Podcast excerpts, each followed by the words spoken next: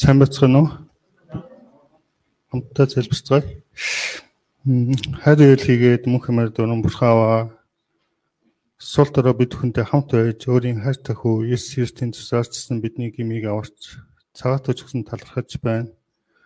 Энэ цагчсан сул дорой хүүтэйгээ хамт байж таны үгийг дамжуулах боломжийг өгсөнд баярлалаа. Энэ цаг ихнээс дуустал өөрийн тал ариун сүнсээр өдөртөж ивэж өгөхийг эзээс Христийн нэрээр хүсэн гоож байна. Мэ. Ертөнцийн гэрэл Есүс гол ишлэл 9-5-ыг бүгдээрээ хамт уншицгаая.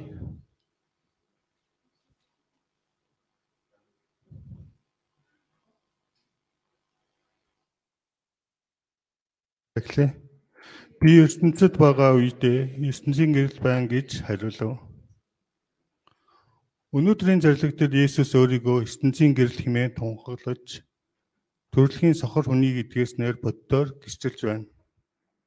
ертөнцийн гэрэл болж исэн Есүс махбодоор сохор хүнийг хараатай олгоо зогсохгүй муу хов заяаны бодолд автсан шав нарыг мөн сүнсний сохор байсан фарисеучуудыг гэрэлтүүлэхээр ирсэн юм.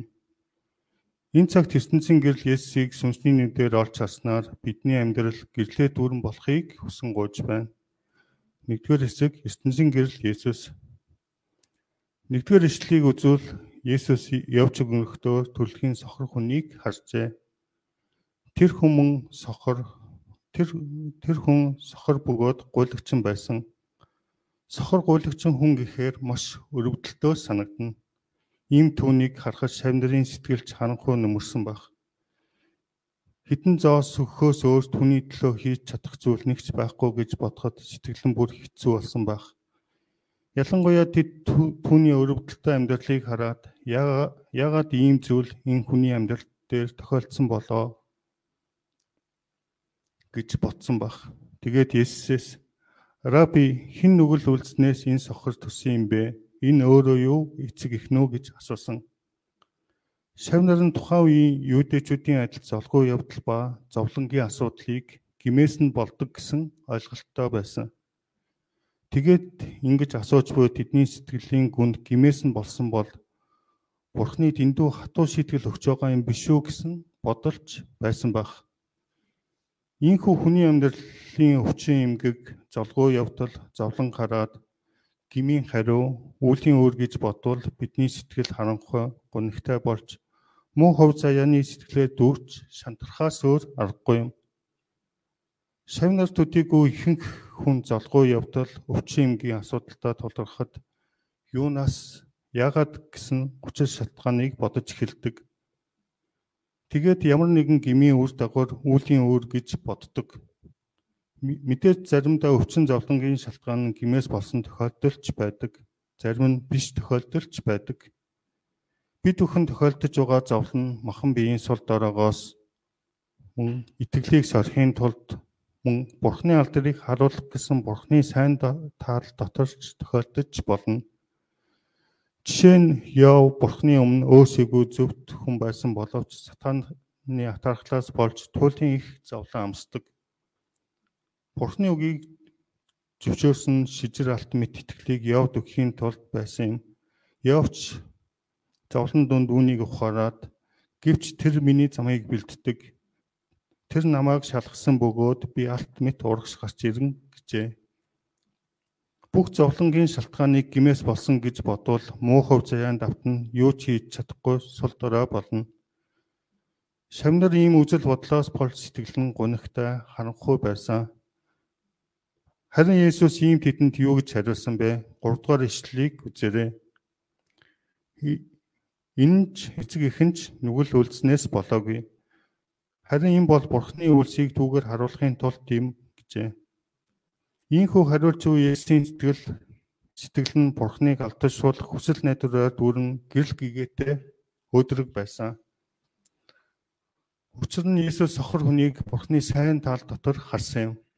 Өвчин зовлон, муу хувь заяаны асуудлыг Бурхны сайн тал ба эрх мэдэлээр үндэслэн харуул Есүс шиг түүн дотор гайхамшигтай зүйл байгаа гэдгийг олж чадна. Хэрв гимээсэн болж зовлон тохиолдсон ч Бурхны зүгээс харуул Бурхны сайн тааллыг олж чадах болно. Бурхан бүх хүний амьдрал дээр өөрийн сайн талбаар зорилгоо тавин үргэлж ажилладаг. Тиймээс Бурхан дотор байгаа хүнд золохгүй муу хувь заяа гэж байхгүй юм. Бурхны дотор сүнсээр харахад зовлон эмгийн асуудал нь сайн үйлсийг харуулах удирдлага болж өөрчлөгддөг. Харин энэ бол Бурхны үйлсийг түүгээр харуулахын тулд юм гэсэн Есүсийн үгэнд хүний ас жаргал нь ямар ч нөхцөл байдал донд Бурхны сайн тадлыг олж Бурхны алдрын төлөө амьдрахад байдаг гэдгийг бид суралцаж олно. Тиймээс бид одоо ямар ч өвчин өвчин зовлонгийн асуудал байсан ч надаар хийх гэсэн Бурхны сайн үлсийг олж хараад Бурхныг алдашуул амьдарч чадахыг хүсэн өрөөж байна. Дөрөвдүгээр ишлэлийг үзээрэй. Намаг илгээгчийн үлсийг би өдөр байхад хийх ёстой. Хинч ажиллаж чадахгүй шүн ирж байна. Шавнар нь харанхуй бодолд автан яхаа мэдхгүй байсан. Харин Есүс өдөр байхад Бурхны үлсийг хийх ёстой гэв. Энэ ишлэлд Есүс хийж болно, хийхийг хүсэж байна. Хийх хэрэгтэй гэж хэлээгүй, харин хийх ёстой гэсэн юм. Бид харанхуй муу бодолд автан сүнсээр хүчгүй сууж байх нь Бурхны өмнө гим юм. Бид хичээнгүлэн Бурхны ажлыг тухайлбал сайн мэдээ тарах тараах ажлыг заавал хийх ёстой. Тэгвэл бид яагаад Бурхны ажлыг хийх ёстой вэ? Нэгдүгээрт өдрийн цаг учраас юм. Энд өдөр гэдэг нь Есүсийн хувьд амьд байгаа цаг бөгөөд бидний хувьд ч амьд цагийг хэлж байна. Шүн бол Есүсийн дагламаа өхлийн цаг бөгөөд бидний хувьд ч өхлийн цаг ба эцсийн төгсгөлийн цаг үеийг зааж өгч байна. Тиймээс бид ч амьд байхдаа Бурхны ажлыг хичээнгүлэн хийх ёстой. Усны дараа хичнээн ажилмаар санагдсан ч боломжгүй болно. Ажил хийхэд цаг үе маш чухал байдаг. Өдөр хичээнгүйлэн ажиллаж шүн амар тайван амарч чадна. Харин өдөр дэмий хоос өнгөрөөж байгаа шүн хийх гэвэл нойр хөрч мөн ядардаг. Ngoё бид өдөр бахад өөрөөр хэлбэл албад чирэг байхдаа бурхны ажлыг хичээнгүйлэн хийх хэрэгтэй юм өчрөөд хийх гэвэл амархан ядарч бурхны ажлыг хиймээр байсан ч хүч чадал хязгаартай болно. Тиймээс залуу хүчтэй байхад бурхны авралын ажлыг хичээнгүйлэн хийдэг нь жинхэнэ мэрэгэн ухаантай хүн юм. Ялангуяа ажиллаж чадахгүй шүн одоо бидэн рүү улам ойрцоор л байна. Иесус шүүгчийн эрх мэдээр эрх цаг төхөж байгаа учраас юм. Бид мөнх амьдрах юм шиг мөн залуу нас үргэлж байх юм шиг боддог боловч хэн ч ажиллаж чадахгүй шүн ирж байна гэж хэлж байна. Тиймд ажиллаж чадах энэ цаг үед хичээнгүлэн Бурхны ажлыг хийдэг хүмүүс болохыг хүсэн гуйж байна. Хоёрдугаарт ертөнцийн гэрлээр ирсэн Есүс хамт байгаа учраас юм. Бүгдээрээ тав дахь ишлэгийг хамт уншъя. Эхлэе. Би би ертөнцид байгаа үедээ ертөнцийн гэрэл байна Есүс өөрийгөө дахиад ертөнцийн гэрэл хэмээн тунхаглаж байна. ертөнцийн гэрэл болсон Есүс бүх харанхуй хүчийг зайлуулдаг. Өнөг шантрал, өөрийгөө голох, ялагдлын сэтгэл, эмийн буруутгал, хүчгүй, хүсэлгүй гэх мэт бүх харанхуйг зайлуулна. Есүсийн дотор байхад хүсэл найдвар, өөдрөг, гэрэл гэгтэй бодлоор дүүрэн болох болно. Тэгээд амийн хүчтэйгээр Бурхны ажлыг хийж чаднаа. Тэгвэл ертөнцийн гэрлээр исэн Есүс хэрхэн ажилласан бэ? 6 дугаар ишлэлийг үзээрэй. Ингэж хэлээд тэр газар нулимж шүрсээрээ шавар зурч сохрын нүдийг шавраас шаваад Есүс төгс хүчит бурхан учраас үгээрээ шууд түүнийг эдгэж болох байсан. Харин энэ удаа шүлсээрээ шаврыг зураад нүдэнд нь шавснаар эдгээсэн. Энэ үйлс Энэ үйлс нь Эхлэл 2-ын 7 дугаар ишлэлд Бурхан өөрийн гараар хүнийг шороогоор бүтээн амьсгал үлийн амьд биет болгосон үйл явдлыг санагдуулж байна. Үүнчлэн Есүс өөрийн гараар сохор хүнд бүтээлийн ажлыг хийсэн юм. Энэ нэг талаас муу хувь заяаны өмнө юу хийж чадахгүй гэж бодож байсан шавнарт том сургамж болсон. Учир нь Есүс Бурхны ажлыг хийх богож хэрэгсэл байхгүй нөхцөл байдал бүрдээгүй хэмээн шантраагүй. Иесус ашиглаж болох хамгийн энгийн амархан зүйлийг олж ажиллаа хийсэн. Шавар ба шүлс нь хүн бүхэнд байдаг.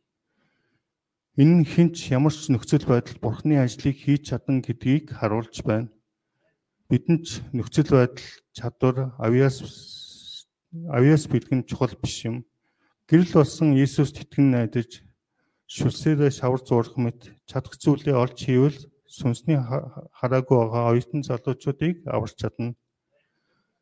Залбирлын шүлсээрээ мөн зарилгын шаврыг зуран сүнсээрээ сохор болсон оюутан хондын нүдэнд шавхад ариун сүнс ажиллан сүнсний нүдийг нээх гайхамшигтай зүйлийг бүтээж чадах болно.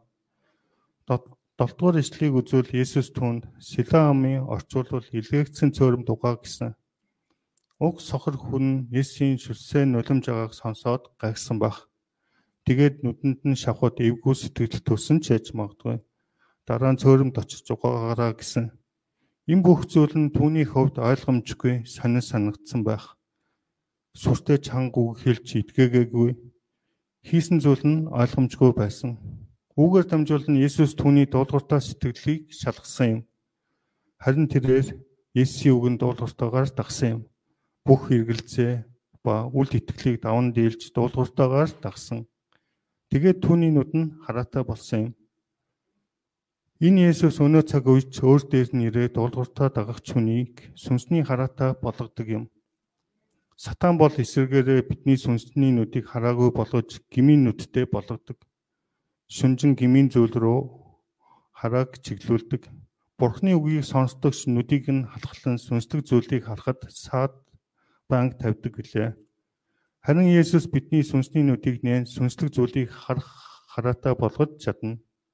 Миний гмийн төлөө загламад цовлогдсон Есүсийг гим ба мөнхийн өхлөөс аврахаар дахин амьсан Есүсийг үргэлж надтай үргэлж сүнсээр хамт байдаг Есүсийг харах хараатай болгох болно. Мөн урд нь мэдлэг төдий байсан Бурхны үг нь амьд бөгөө сэтгэл сүнсэнд минь ажиллаж байгааг харуулна. Мөн бидний зүрс бидний зүрхний мэлмиг гүйгүүлсэн дуудлагын хүсэл найдвар мөнхийн хаанчлалын алдар ариун сүнсний хүч чадлыг өгцнийг мөн ариун сүнс миний дотор байгааг харуулах болно. Ийхүү бидний сүнс нэгдэхэд энэ газарт амьдарч байгаач сайн мэдээний ажлыг харан амьдарч Бурхны Бурхны алдраар дүүрэн талархалтайгаар амьдардаг хүнээр өөрчлөгдөх болно. Бид ч гэсэн өдөр бүр үг ба залбирал дотор сүнсний нүд нэгдэн сүнслэг ертөнцийг харах хараатай болохыг хүсэн гуйж байна. 8 8 9 дугаар ишлэгийг үзээрэй. Төрөлхийн цохор хараад төрөлхийн сохор хүн хараатай болсныг хараад хөршүүд нь тэр мөн үү үгүй юу хэмээн маргаан гарсан. Тэгэхэд мөнөө хүн тэр чин би байн гэж тод гислэн бас Есүсийг хэрхэн хараатай болгосныг гэрчилсэн. Харин түүний үгээс харуул Есүсийг зүгээр хүн гэсэн ойлголттой байгааг мэдэж болно.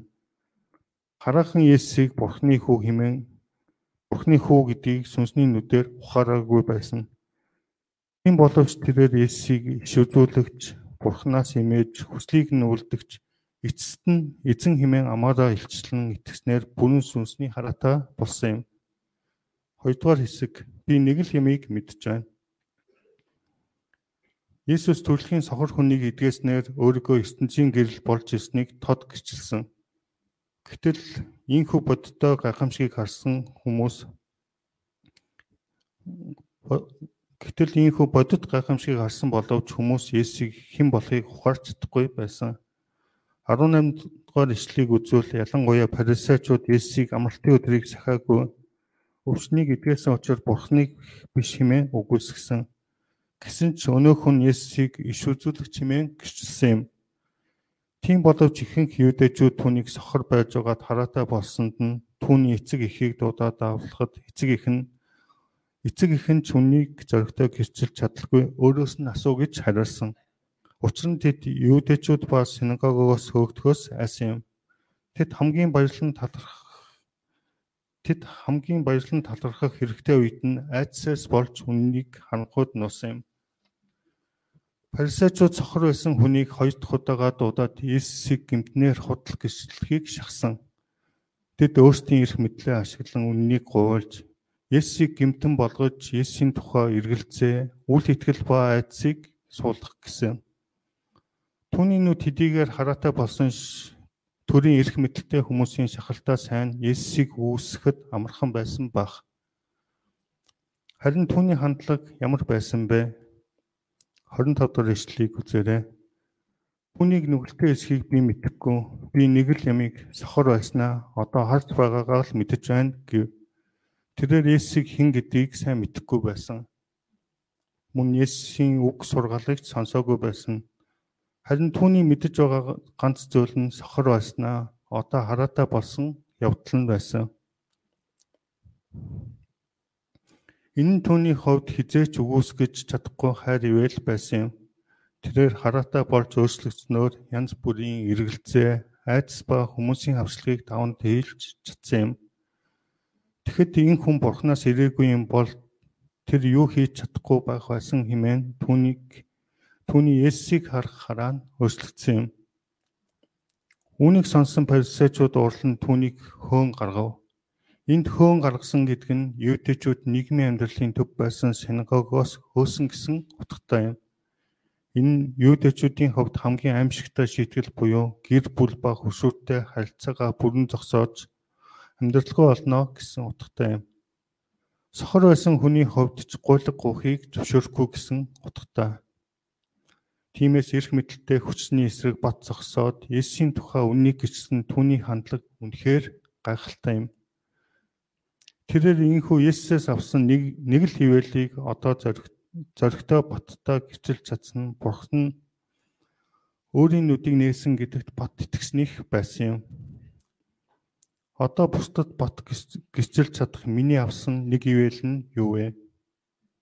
Итгэлийн амьдралаас өмнө сүнсний хараагүй сохор гмийн боолоор амьдарч байсан. Гэрэл болон Есүстэй уулзсны дараа сүнсний нүд нэгдэн сүнслэг ертөнцийг харан ам ба гэрлээ дүүрэн амьдрах болсон юм. Би махотын хувьд хараа муута хасах 4.5 хасах 5 та шилзүүдэг байсан. Эсний ивэлээр нүдний хаалгаанд орж хараа тэгдэх боломжийг ч өгсөн бурхан авда талархаж байна. Хотын төдийгүй сүнсний харааг минь сайжруулж өгсөн бурхан аав талархаж байна. Дэлхийн амьдралаар амьдарч Есүсийн дагалдагч болсноос хойш бурхны хайр ивэл бэлхэм дүүрэн байна. Эдгээр гэр бүлээр босоод шинэрл охинтой болсон хамгийн тохиромжтой цагт байртай болж бүх зүйлээр хангаж байгаа бурхан аавда талархаж байна. Шинэрл охиныг мань хамгийн сайн сургуульд орох боломжийг өгсөнд талархаж байна. Ажлын дагалмаа өрх мэрэгэн ухаанаар хангаж байгаад баярлалаа. Хаашид үргэлж эзэн дүүлчилж сайн мэдээний ажилд сайн мэдээний ажилдаа манай гэр бүлийг хэрэглэж өгөхийг хүсэн гуйж байна. Өмнөний талд тууштай зогсож эснийг гэрчилж сайн мэдээг бусдад дамжуулж амьдрахад удирдах өгөхийг хүсэн гуйж байна. Бид бид өчөөхөн авсан нэг л ивэлийг бат цагнаар улам улам бүр Есүсийг гүнзгий таньж мэдэх алхам болохыг хүсэн гуйж байна. 3 35 дугаар ишлэлийг үзээрэй. Тэр хүн юудэч тэр хүнийг юудэчүүд хөөн гаргасныг Иесус сонсоод түүнийг хайж олоод итгэлийг суулгаж байна. Чи хүний хүүд итгэж байна уу гэв. Тэгээд тэр химбэ тэр химбэ гэхэд Иесус чи түүнийг харсан. Одоо чамтай ярьж байгаа нь тэр мөн гэсэн. Тэр эзэн би итгэж байна хэмээн түүнд мөргсөн. Тэрээр одоо Иесусыг Бурхны хүү буюу өөрийн эзэн гэдгээ ухаан итгэсэн юм. Үгээр цогцолгүй аврагчаар ирсэн Бурхны хүүд хүндэтгэн өргөсөн. Өнөөхөн одоо би махад би махад төдийгүй сүнсний хараатай болсноор жинхэнэ авралыг авсан юм. 3 дугаар хэсэг сүнсний сохор. Есүс энэ хэсгээс жинхэнэ сохор нь хинбэ гэдгийг харуулж өгч байна. Эхлээд Есүс энэ ертөнцид ирсэн зорилго нь хардггүй нэгнийг хараатай болох хിവэлийг үзүүлж хардаг гэсэн бардам нэгнийг сохор олгох шүүлтийг үзүүлэхээр ирсэн гэв. Үүнийг сонсон зарим фарисеучуд бидний сохор гэж байна уу хэмээснээр өөрсдөө хинээс ч илүү хууль тогтоолуудын тухай гүн мэдэх гүн мэдхтэй гэдгээр бахархсан юм. Харин ийм тэдний бардамлыг хараад Иесус тэдэнд хэрв та сохор байсан бол нүгэлгүй байхсан. Гэтэл та нар бид харж байна гэж ярьдаг тул нүгэлчин байсаар байна гэлээ. Тэд өөрсдийг нь зөв мэрэгэн ухаантай мэдлэгтэй гэж тооцдог учраас харин ч харах ёстой. Бурхны илгээс нь хөвөг харж чадалгүй сүнсний мэдлэггүй бардам болж Бурхны шийтгэлээс мултрах боломжгүй болсон гэдгийг зааж өгч байна. Сүнсээ сохорсон нэг нь өөрийгөө хардаг, мэддэг хэмээн андуурч сүнсний бардамтал бардамналд ордог. Тэгэхээр жинхэнэ харах ёстой гэрэл болсон Есүсийг алдаж эцэст нь өөрийн бардамнал ба мөнхгийн намаг шигдэн сүрхээс өөр аргагүй болдог юм. Тиймээс бид ч мэддэг гэсэн бардам сэтгэлээс цаг ямагт сэрэмжлэн харин ч мэдэхгүй харж чадахгүй гэдгийг хүлээн зөвшөөрөн өдөр бүр төлөв даруй сэтгэлээр үнний үгийг сурна сүнсний нүдэ нэг хэрэгтэй. Тэгснээр сүнсний хараатай болж Есүсийг гүнзгий танин мэдэн сайн мэдээг бусдад дамжуулж чаднаа. Дүгнэлт. Иесус бол энэ дэлхийд сүнсээр сохор хүмүүсийг гэрлээр удирдахаар исэн аврагч эзэн юм. Бид өөрсдий бид өөрсдийгөө амархан сүнсээр сохор болдог гэдгийг хүлээн зөвшөөрч төлөв даруугаар Есүсийн гэрэл рүү өдөр бүр очиж чадахыг хүсэн гуйж байна өөрсдийгөө харанхуй мөн хараагүй болгодог ертөнцийн хүсэл шунал буруу үзэл бодлууд ба бардам байдлыг гимснээр гэрэл болсон Есүсийг хүлээн авч чадахыг хүсэн гуйж байна. Тэгснээр сүнсний хараатай болж түүний гэрлээ дүүрэн гэрэлтэж бусдыг гэрэлтүүл гэрэлтүүлдэг амьдралаар амьдарч чадахыг хүсэн өрөөж байна. Амен. Хайр хийгээд мөнх хамаар тун бурхан аваа сул дорой бид өхөнжсөн зөвхөн эзэн таныг харах энэ сүнсний хараагчсан хамгийн сайн аж зөвшөөрөн өгөхийг хүсэн гож байна. Сайн мэдээгчсэн бид бүхэн бусдад сайн дамжуулж эзний үгийг гисчилж гислэгчээр дүүрэн амьдрахад удирдах ивэж өгөөрөө энэ цагийг өгсөн талархаад эзэс Христийн нэрээр залбирч байна. Амен.